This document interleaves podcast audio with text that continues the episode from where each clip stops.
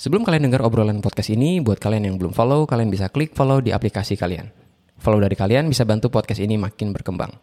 Dan kalau kalian juga mau kasih pertanyaan atau topik untuk dibahas di podcast ini, kalian bisa klik link yang ada di deskripsi podcast ini.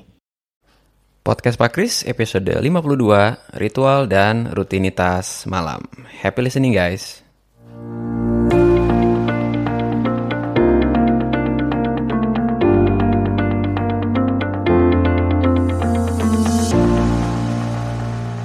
Halo semua listener dari Podcast Pak Kris atau yang baru udah pertama kali dengar Podcast Pak Kris adalah podcast yang ngomongin tentang uh, jadi orang yang produktif tanpa harus kehilangan waktu luang.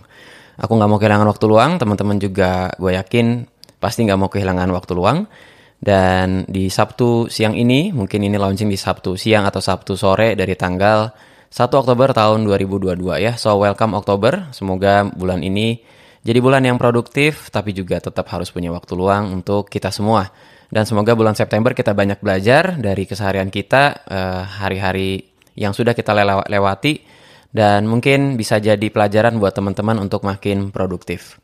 Ada as usual uh, ada sedikit logistik dari podcast Pak Kris ini dan Senin lalu seperti biasa mendapatkan update dari listener atau jumlah downloads ya dari podcast Pak Kris ini dan akhirnya mencahin rekor lagi guys. So thank you banget. Itu 427 downloads ya. Jadi makin banyak, makin ke sini. Minggu lalu kalau nggak salah sekitar 300-an, 380-an. Sekarang udah 427. Dan total downloadsnya itu udah 6000. So thank you banget buat teman-teman yang udah dengerin dari awal dari podcast ini. Atau mungkin kalian yang baru denger di Spotify, di Noise, maupun di platform lain.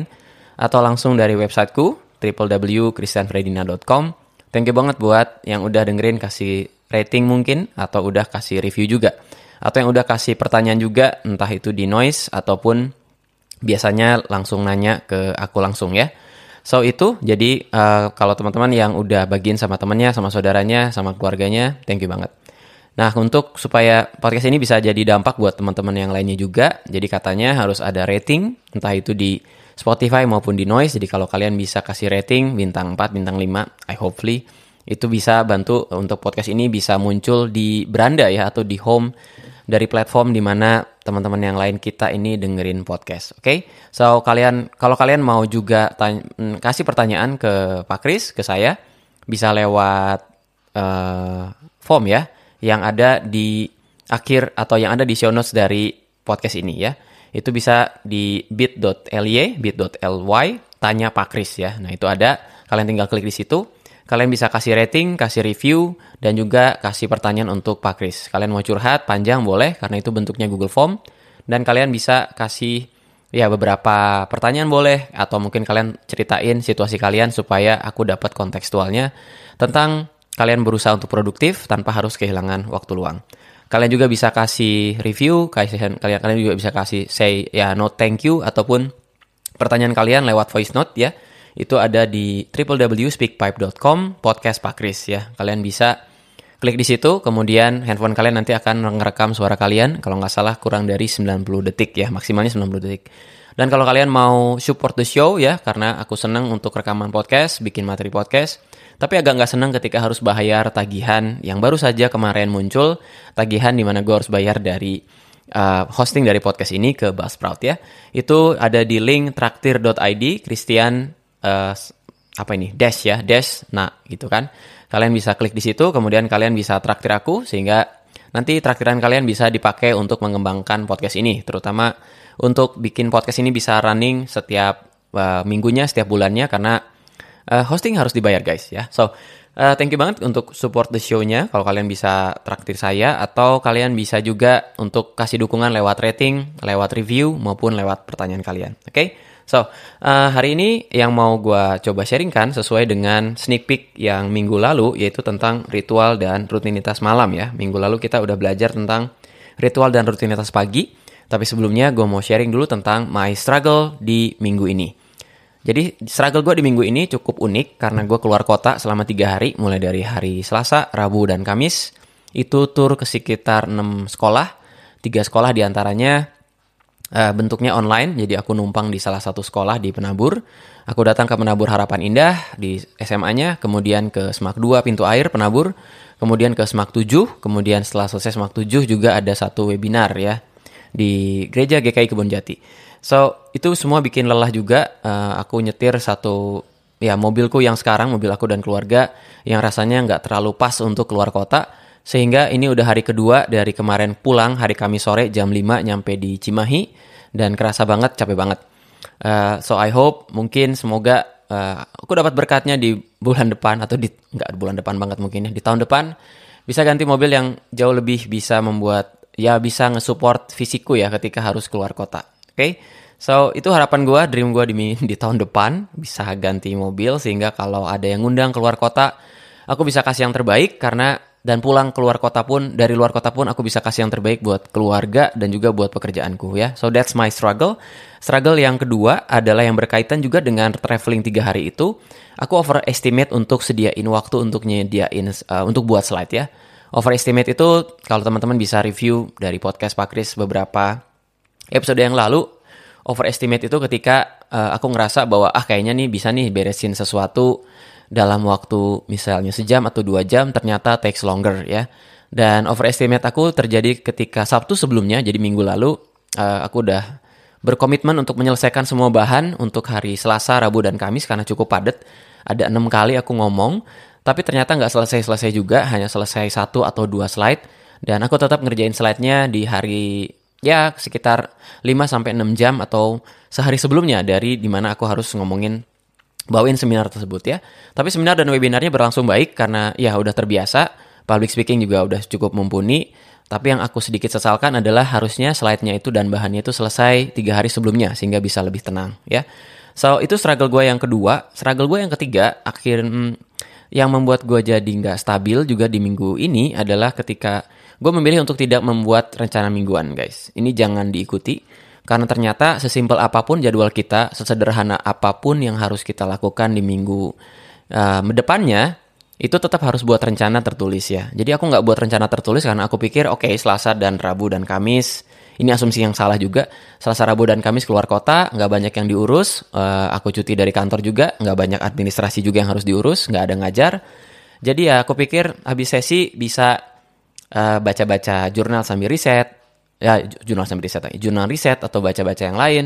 Ternyata itu nggak terjadi karena beres, terutama di hari pertama beres uh, traveling atau nyetir dari Cimahi ke Bekasi itu cukup melelahkan ya. Aku pergi pagi banget untuk menghindari macet dan harus ngomong selama tiga sesi itu bikin jadi nggak mudah ya. Dan aku pikir ya udah selesai tiga sesi cuma sekedar istirahat. Lalu hari Rabunya cuma satu sesi aku bisa sambil baca sambil apa. Tapi aku nggak ngerencanain apa yang harus dibaca. Akhirnya bingung mau ngapain setelah sesi beres. Istirahat sih istirahat. Tapi akhirnya aku wasting time. Kelamaan di YouTube kelamaan di Instagram. So that's uh, itu yang membuat um, gue jadi struggle ya teman-teman. So uh, lesson learnnya adalah kalau teman-teman punya jadwal yang kira-kira bisa ketebak atau jadwal yang simple banget ya kayak aku kayak cuma keluar sekedar keluar kota cuma sekedar ini. Hari Jumat kemarin pun nggak bikin jadwal karena aku kira sangat simple cuma kuliah dua kali ada bimbingan lalu datang ke temanku yang wisudaan ya Pak Teguh Juliawan yang sempet uh, juga hadir di podcast ini tentang public speaking dan dia punya kelas di kelas pakris.com uh, ya. Dan aku datang ke wisadaannya dia kemudian pergi dengan keluarga.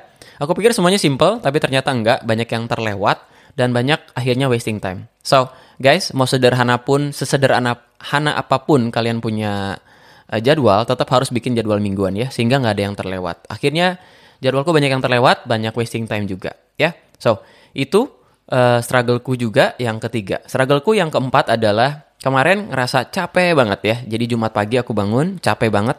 Datang hari Kamis uh, sore, aku kira karena memang mobilnya nggak pas, uh, kayaknya sikap badanku ketika nyetir juga nggak pas sehingga capek banget.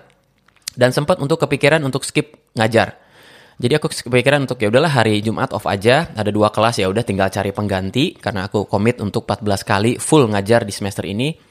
Tapi aku ngelihat kayaknya jangan gitu deh. Aku orang yang disiplin dan identitas jadi dosen yang disiplin tidak terlambat dan selalu uh, kasih yang terbaik Aku ingin itu jadi identitasku dan jadi imageku di depan orang lain ya. Ini bukan hanya sekedar jaga image, tapi sempat kepikiran untuk skip aja, untuk WA uh, eh, grup kelas dan bilang nggak ada kelas nanti diganti.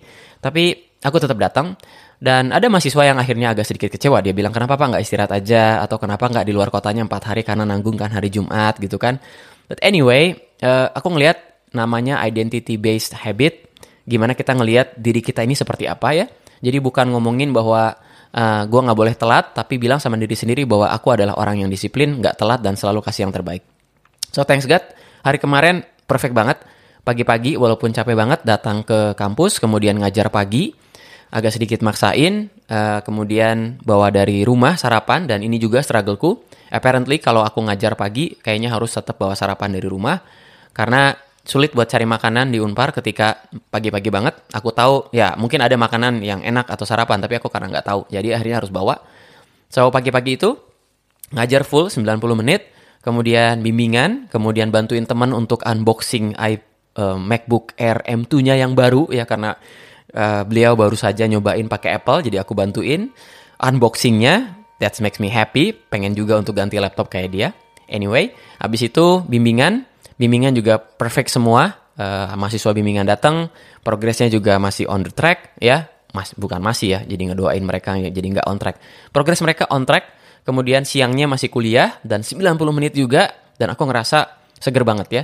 Kemudian abis itu datang ke wisudaannya teman, setelah itu pergi sama keluarga. Karena minggu ini belum pergi sama keluarga. Jadi itu lesson learn-nya teman-teman. Lesson learn-nya adalah kayaknya uh, kalau kita sedikit hanya sekedar nurut sama badan kita yang capek ini, kita jadi manja ya. Memang ada kalanya ya orang bilang kan listen to our body ya kalau capek ya capek gitu. Tapi aku ngerasa somehow di Jumat kemarin aku hanya sekedar cari alasan, ya gue capek lah, udah tiga hari lah, sekedar libur bareng keluarga. Tapi kayaknya enggak, gue identitas identitasku sebagai seorang pengajar yang disiplin dan kasih yang terbaik. Akhirnya itu yang kayaknya kasih pesan sama hati dan pikiran juga. Jadi badan bergerak, uh, siapin ngajar. Puji Tuhannya ngajarnya udah disiapin dari beberapa bulan yang lalu dan semuanya berjalan dengan baik. Oke, okay? so that's my struggle. Nah sekarang kita coba obrolin tentang uh, ritual malam ya yang menjadi subjek dari podcast Pak Kris di episode ke-52. Jadi minggu lalu kita udah belajar tentang ritual pagi. Jadi aku kasih brief buat teman-teman yang mungkin belum sempat dengar. Ritual pagi adalah satu kegiatan yang kita lakukan secara rutin setiap paginya yang membuat kita on track dalam setiap keseharian kita ya. Yang ternyata nggak gue lakukan di minggu ini. Uh, memang ritual paginya ada ngopi kek, kemudian sarapan di hotel, but uh, karena rencana mingguannya nggak dibuat sehingga ritual paginya kurang terasa ya. Tapi sedikit review dari minggu lalu, ritual pagi itu kita lakukan untuk make a plan, kita buat rencana apa yang mau kita lakuin aja di minggu, di hari tersebut ya, bukan minggu ini, tapi di hari tersebut. Bentuknya bukan to-do list, tapi time block. Kalau kalian yang belum atau eh, masih asing dengan istilah time blocking dan juga to-do list, kalian lihat di episode kesekian dari podcast Pak Kris, kalau nggak salah 40-an. Kalian lihat di situ ada episode tentang to-do list dan time blocking, di mana to-do list itu nggak terlalu efektif, tapi time blocking artinya kita mengalokasikan waktu dalam blok-blok dan kita taruh aktivitas di situ ya. Kemudian ritual pagi juga baik untuk set the mood. Kalau buat gua adalah bikin manual brew V60 ataupun French press. Buat kalian mungkin baca, buat kalian mungkin jogging, itu set the mood ya. Lalu juga kemarin berbagi dengan Ibu Rita, mungkin yang juga lagi dengerin. Uh, beliau adalah kepala sekolah di SMPK 5, penabur Cipinang for now. Uh, set the moodnya kayaknya aku kalau lihat belum sempat ngobrol dengan beli, uh, belum sempat ngobrol banyak tentang beliau, tapi begitu di, di perjalanan pulang aku mikir bahwa ketika jalan dari rumah ke stasiun kereta itu kayaknya bisa set the mood juga ya, walaupun lelah, tapi jalan pagi itu baik ya. Kemarin juga aku kasih tips sama teman-teman mahasiswa yang di kelas tugas akhir ya di kelas skripsi. Ini kelas yang lumayan banyak ngulangnya karena memang skripsi itu sulit. Dan aku kasih uh, tips bahwa kalau mau mengurangi stres itu adalah dengan jalan pagi atau jalan sore ya. Jangan jalan siang karena kecapean ya dan panas. Uh, banyak yang bilang ngilangin stres dengan main game, dengan mungkin uh, ngongkrong, tapi biasanya hal-hal kayak gitu atau nonton ya. Hal-hal kayak gitu bikin kita kebablasan. Jadi hati-hati dengan mood buster, hati-hati dengan self reward, hati-hati jangan sekedar untuk ngilangin stres tapi ternyata ketika main game kalah mental karena kalah terus, akhirnya kelewatan waktunya. Ketika nonton juga akhirnya next episode dan next episode. So be careful buat gue relief stress yang paling baik adalah dengan jalan pagi atau jalan sore ya. So itu feedback uh, bukan feedback, review dari ritual pagi. Sekarang kita lihat ritual malam ya. Hanya ada satu hal yang mau aku kasih tahu sama teman-teman bahwa ritual malam itu sangat-sangat penting dan Ritual malam menjadi penting karena itu adalah kegiatan untuk menutup hari dengan baik. Kalau ritual pagi memulai hari dengan baik, ritual malam itu menutup hari dengan baik ya. Dan satu hal yang harus teman-teman lakukan ketika ritual malam adalah ini jurusnya David Allen, klasik buku, uh, buku, uh, buku klasik ya, yaitu buku klasik yang dibuat oleh David Allen. Judulnya Getting Things Done. Kalau teman-teman mau baca, itu boleh banget. Di salah satu chapternya dia bilang bahwa hal yang membuat kita stres dan depresi dan juga stres berlebihan itu adalah karena kita mikirin hal-hal yang open loop di kepala kita. Apa itu open loop? Open loop adalah kegiatan atau kerjaan atau tanggung jawab yang menggantung ya. Jadi open loop itu yang menggantung. Artinya nggak kita tindak lanjuti, kagak dikerjain, cuma sekedar dipikirin dan hanya ada di kepala. Nah ritual malam itu ada satu ritual juga yang bisa gue tambahkan di ritual malam, namanya complete shutdown. Ini murid-muridku dari uh, ya ketika aku buka kelas tentang time management di di awal tahun 2022 ini juga ngerti apa itu complete shutdown. Complete shutdown itu artinya menutup semua open loopnya ya. Jadi membuat semua kerjaannya jadi close loop ya. Loop itu seperti simpul. Kalau ada kerjaan yang open loop itu bikin kita stres dan juga depresi. Itu yang David Allen bilang dan gue sangat setuju dengan apa yang dia bilang ya. Praktisnya kayak gimana Pak Kris? Nah praktisnya kayak gini. At the end of the day, uh, hari kalian selesai, kalian bebas mau selesaiin jam berapa. Kalau aku itu jam 4 sore itu harus selesai. At the end of the day, artinya kerjaan kantor harus semuanya dalam bentuk close loop ya. Open loop itu bikin kita stres seperti tadi yang gue bilang, tapi close loop itu artinya at the end of the day kalian bebas nentuin jam berapa, kalian lihat kerjaan kalian mana yang udah beres, kalian checklist, mana yang kalian gantung, gantung itu artinya nunggu dari orang lain, nunggu kabar, nunggu konfirmasi, nunggu survei, kalian tulisin itu di gantung ya, gantungnya itu uh, ya kalian harus punya catatan ya, jangan lupa harus mencatat dan statusnya adalah status gantung. Artinya kalian nggak bisa ngapa-ngapain, kalian cuma nungguin kabar dari orang lain, kalian nungguin update dari orang lain. Oke? Okay? Status yang ketiga adalah kalian tunda ya. Jadi ada kerjaan yang nggak mungkin selesai dalam satu hari kalian tunda ya. Nah, tiga hal itu harus kalian lihat dalam uh, at the end of your day semua ya. Jadi malam-malam kalian lihat kerjaan kalian apa ya. Aku kasih contoh kemarin aja ya Jumat ya. Uh, yang close loop semua yang udah beres semua adalah uh, semua logistik ngajar ya. Jadi bahan ngajarku udah diupload, kemudian juga uh, bahan ngajar di hari itu semuanya udah selesai, itu udah close loop semua. Aku nggak mikirin lagi uh, materi minggu ketiga karena kemarin baru minggu ketiga ya dari kuliahku. Oke, okay? itu close loop. Tapi ada yang lagi open loop, kemudian aku akhirnya close loop karena dia ditunda, yaitu bikin tugas atau problem set untuk mahasiswaku. Jadi uh, problem set itu seharusnya diberikan pada Jumat lalu, tapi karena aku belum sempat dan kecapean dan sebagainya, jadinya hari Senin.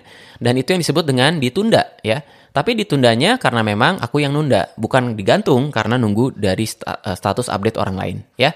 Tapi kalau misalnya ada juga yang harus gantung ya, misalnya aku ada satu hal yang digantung, artinya aku men uh, bukan relationship yang digantung uh, for your information, tapi ada satu uh, hal yang memang aku nunggu dari orang lain ya. Jadi ada satu kerjaan yang memang aku harus nunggu dari pihak lain dan itu memang open loop ketika hari Jumat malam kemarin, tapi akhirnya di close loop kan karena aku udah tahu bahwa ini aku nggak bisa ngapa-ngapain karena harus nunggu dari orang lain. Oke, okay? so tiga hal itu yang harus kalian lakukan. Mana kerjaan yang kalian selesaikan, complete, mana yang postpone, kalian tunda secara sengaja karena memang kalian yang bisa mengerjakan pekerjaan itu, atau memang statusnya gantung, kalian nunggu konfirmasi atau kabar dari orang lain, ya. Jadi itu ritual malam yang harus kalian lakukan. Nah setelah ritual malam selesai, artinya complete shutdown, kalian kayak hmm, akan punya peace of mind ya. Somehow kalian tenang bahwa ini udah beres semua, walaupun gak beres gue tahu harus dikerjain kapan ya. Kerjaan yang tadinya kalian tunda, kalian harus alokasikan kapan kalian kerjain. For example, untuk yang kemarin problem set yang tertunda, aku mau kerjain di hari Minggu besok sehingga hari Seninnya aku kasih ke mahasiswa. Oke, okay? itu yang kasih peace of mind. Jadi kalian gak kepikiran, kalian gak kebawa mimpi, kalian jadi at the moment atau be in the present ketika kalian ada waktu untuk diri sendiri mungkin istirahat kek atau uh, kegiatan bareng keluarga ya. Jadi itu harus yang harus kita lakukan sama-sama ritual malam. Aku ulangi tulisin kegiatan yang kalian udah komplit di hari itu atau di minggu itu. Kalian tulisin mana yang gantung, kalian tulisin mana yang harus kalian tunda. Kalau kalian tunda, itu harus kalian tentukan kapan kalian mau ngerjainnya. Ingat, segala sesuatu harus ditulis guys, jangan cuma taruh di kepala. Kata David Allen, kalau nggak ada sistem yang kita percayai, maka kita akan stres, kita akan depresi. Itu yang aku kasih saran sama orang-orang yang nanya gimana cara nurunin, uh, membuat mental health jadi makin baik, gimana caranya supaya ngurangin stres. Always have a written system ya. Mau bentuknya digital, mau bentuknya tulisan ya. like I told you before, like I share, before, aku berubah dari yang tadinya pakai Notion untuk rencana mingguan, sekarang bentuknya tulisan dalam uh, pakai Good Notes ya di iPad. Oke, okay? so itu buat ritual malam kalian dan manfaatnya adalah pada saat kalian complete shutdown, kalian bilang sama diri sendiri kayak komputer lagi shutdown, shutdown complete gitu kan. Nah, setelah itu kalian bisa bebas lah mau self care kek, mau healing kek, mau bareng keluarga kek. Itu nggak ada hal-hal yang kalian pikirin, ya. Dan itu yang bikin istirahat kalian jadi makin perfecto, ya. Istirahat tadi malam perfect banget karena hari Jumat itu perfect banget tanggal 30 September kemarin. Tapi like I told you before, ini masih hari yang kedua, jadi gue masih lelah secara fisik karena traveling tiga hari keluar kota, ya. Jadi itu, kemudian ritual malam yang penting, jangan ada screen time ya. Kalau bisa teman-teman jangan lihat screen time, terutama uh, handphone kalian ya, uh, yang terlalu glowing, yang terlalu banyak cahayanya, kalian bisa turunin intensitas cahayanya. Atau kalau kalian punya night mode di handphonenya, kalian pakai night mode itu ya. Karena katanya kalau terlalu banyak konsumsi uh, screen atau ya terutama yang uh, yang mm, terang banget itu bisa bikin kalian jadi sulit tidur ya. Karena istirahat itu penting ya. Gue punya prinsip diajarin sama orang lain sih. Uh, prinsipnya gini, hari Sabtu ini akan baik kalau istirahat Jumat malam itu baik. Itu ya. Jadi gue ulangi, kalau hari Sabtu, kalau hari besoknya ingin bagus banget, maka istirahat teman-teman itu harus cukup ya. Jadi jangan terlalu kerja berlebihan. Ingat podcast ini adalah tentang produktif tanpa harus kehilangan waktu luang ya. Istirahat yang cukup bukan cuma ngomongin soal fisik tapi mental juga. Nah, salah satu cara untuk bisa mengistirahatkan mental kita adalah dengan melakukan complete shutdown atau ritual atau rutinitas malam tersebut. Lihat kerjaan kalian hari itu, mana yang complete, mana yang harus ditunda, mana yang statusnya gantung. Oke, okay? so that's all. Cukup pendek dibandingkan dengan minggu-minggu lalu dari podcast Pak Kris ini. Gunanya dipindahin ke hari Sabtu supaya kalian bisa mikirin dan semoga istirahat Sabtu ini bisa bikin kalian uh, kalau yang dengerin dengerin hari Sabtu ya, bisa bikin kalian jadi renew lagi, bisa bikin kalian jadi seger lagi dan ingat setiap malam itu yang harus kalian lakukan. Lihat apa yang harus kalian kerjakan. Uh, sorry, hari yang yang sudah kalian kerjakan mana yang komplit, mana yang sudah selesai, mana yang gantung. Oke, okay? so don't forget kasih rating dan juga kalau mau tanya Pak Kris bisa lihat form bit.ly tanya Pak Kris, kemudian kasih rating atau review lewat voice note di speakpipe.com podcast Pak Kris dan juga kalian bisa support the show dengan traktir gua di traktir.id Christian Des. Nah, semua linknya ada di show notes. So take care semua. Semoga ritual dan rutinitas malam hari ini bisa bikin uh, skill ya skill rutin dan uh, ritual dan rutinitas malam bisa bikin kalian makin produktif tanpa harus kehilangan waktu luang. Take care teman-teman, sehat-sehat. I'll see you next week. Kalau kalian dapat value atau manfaat dari podcast ini dan ingin say thank you, kalian bisa support podcast ini dengan mentraktir Pak Kris dengan klik link yang ada di deskripsi podcast ini. Traktiran kalian akan sangat berarti untuk podcast ini tetap running dan bantu orang-orang untuk stay productive. I'll see you guys later dan stay productive.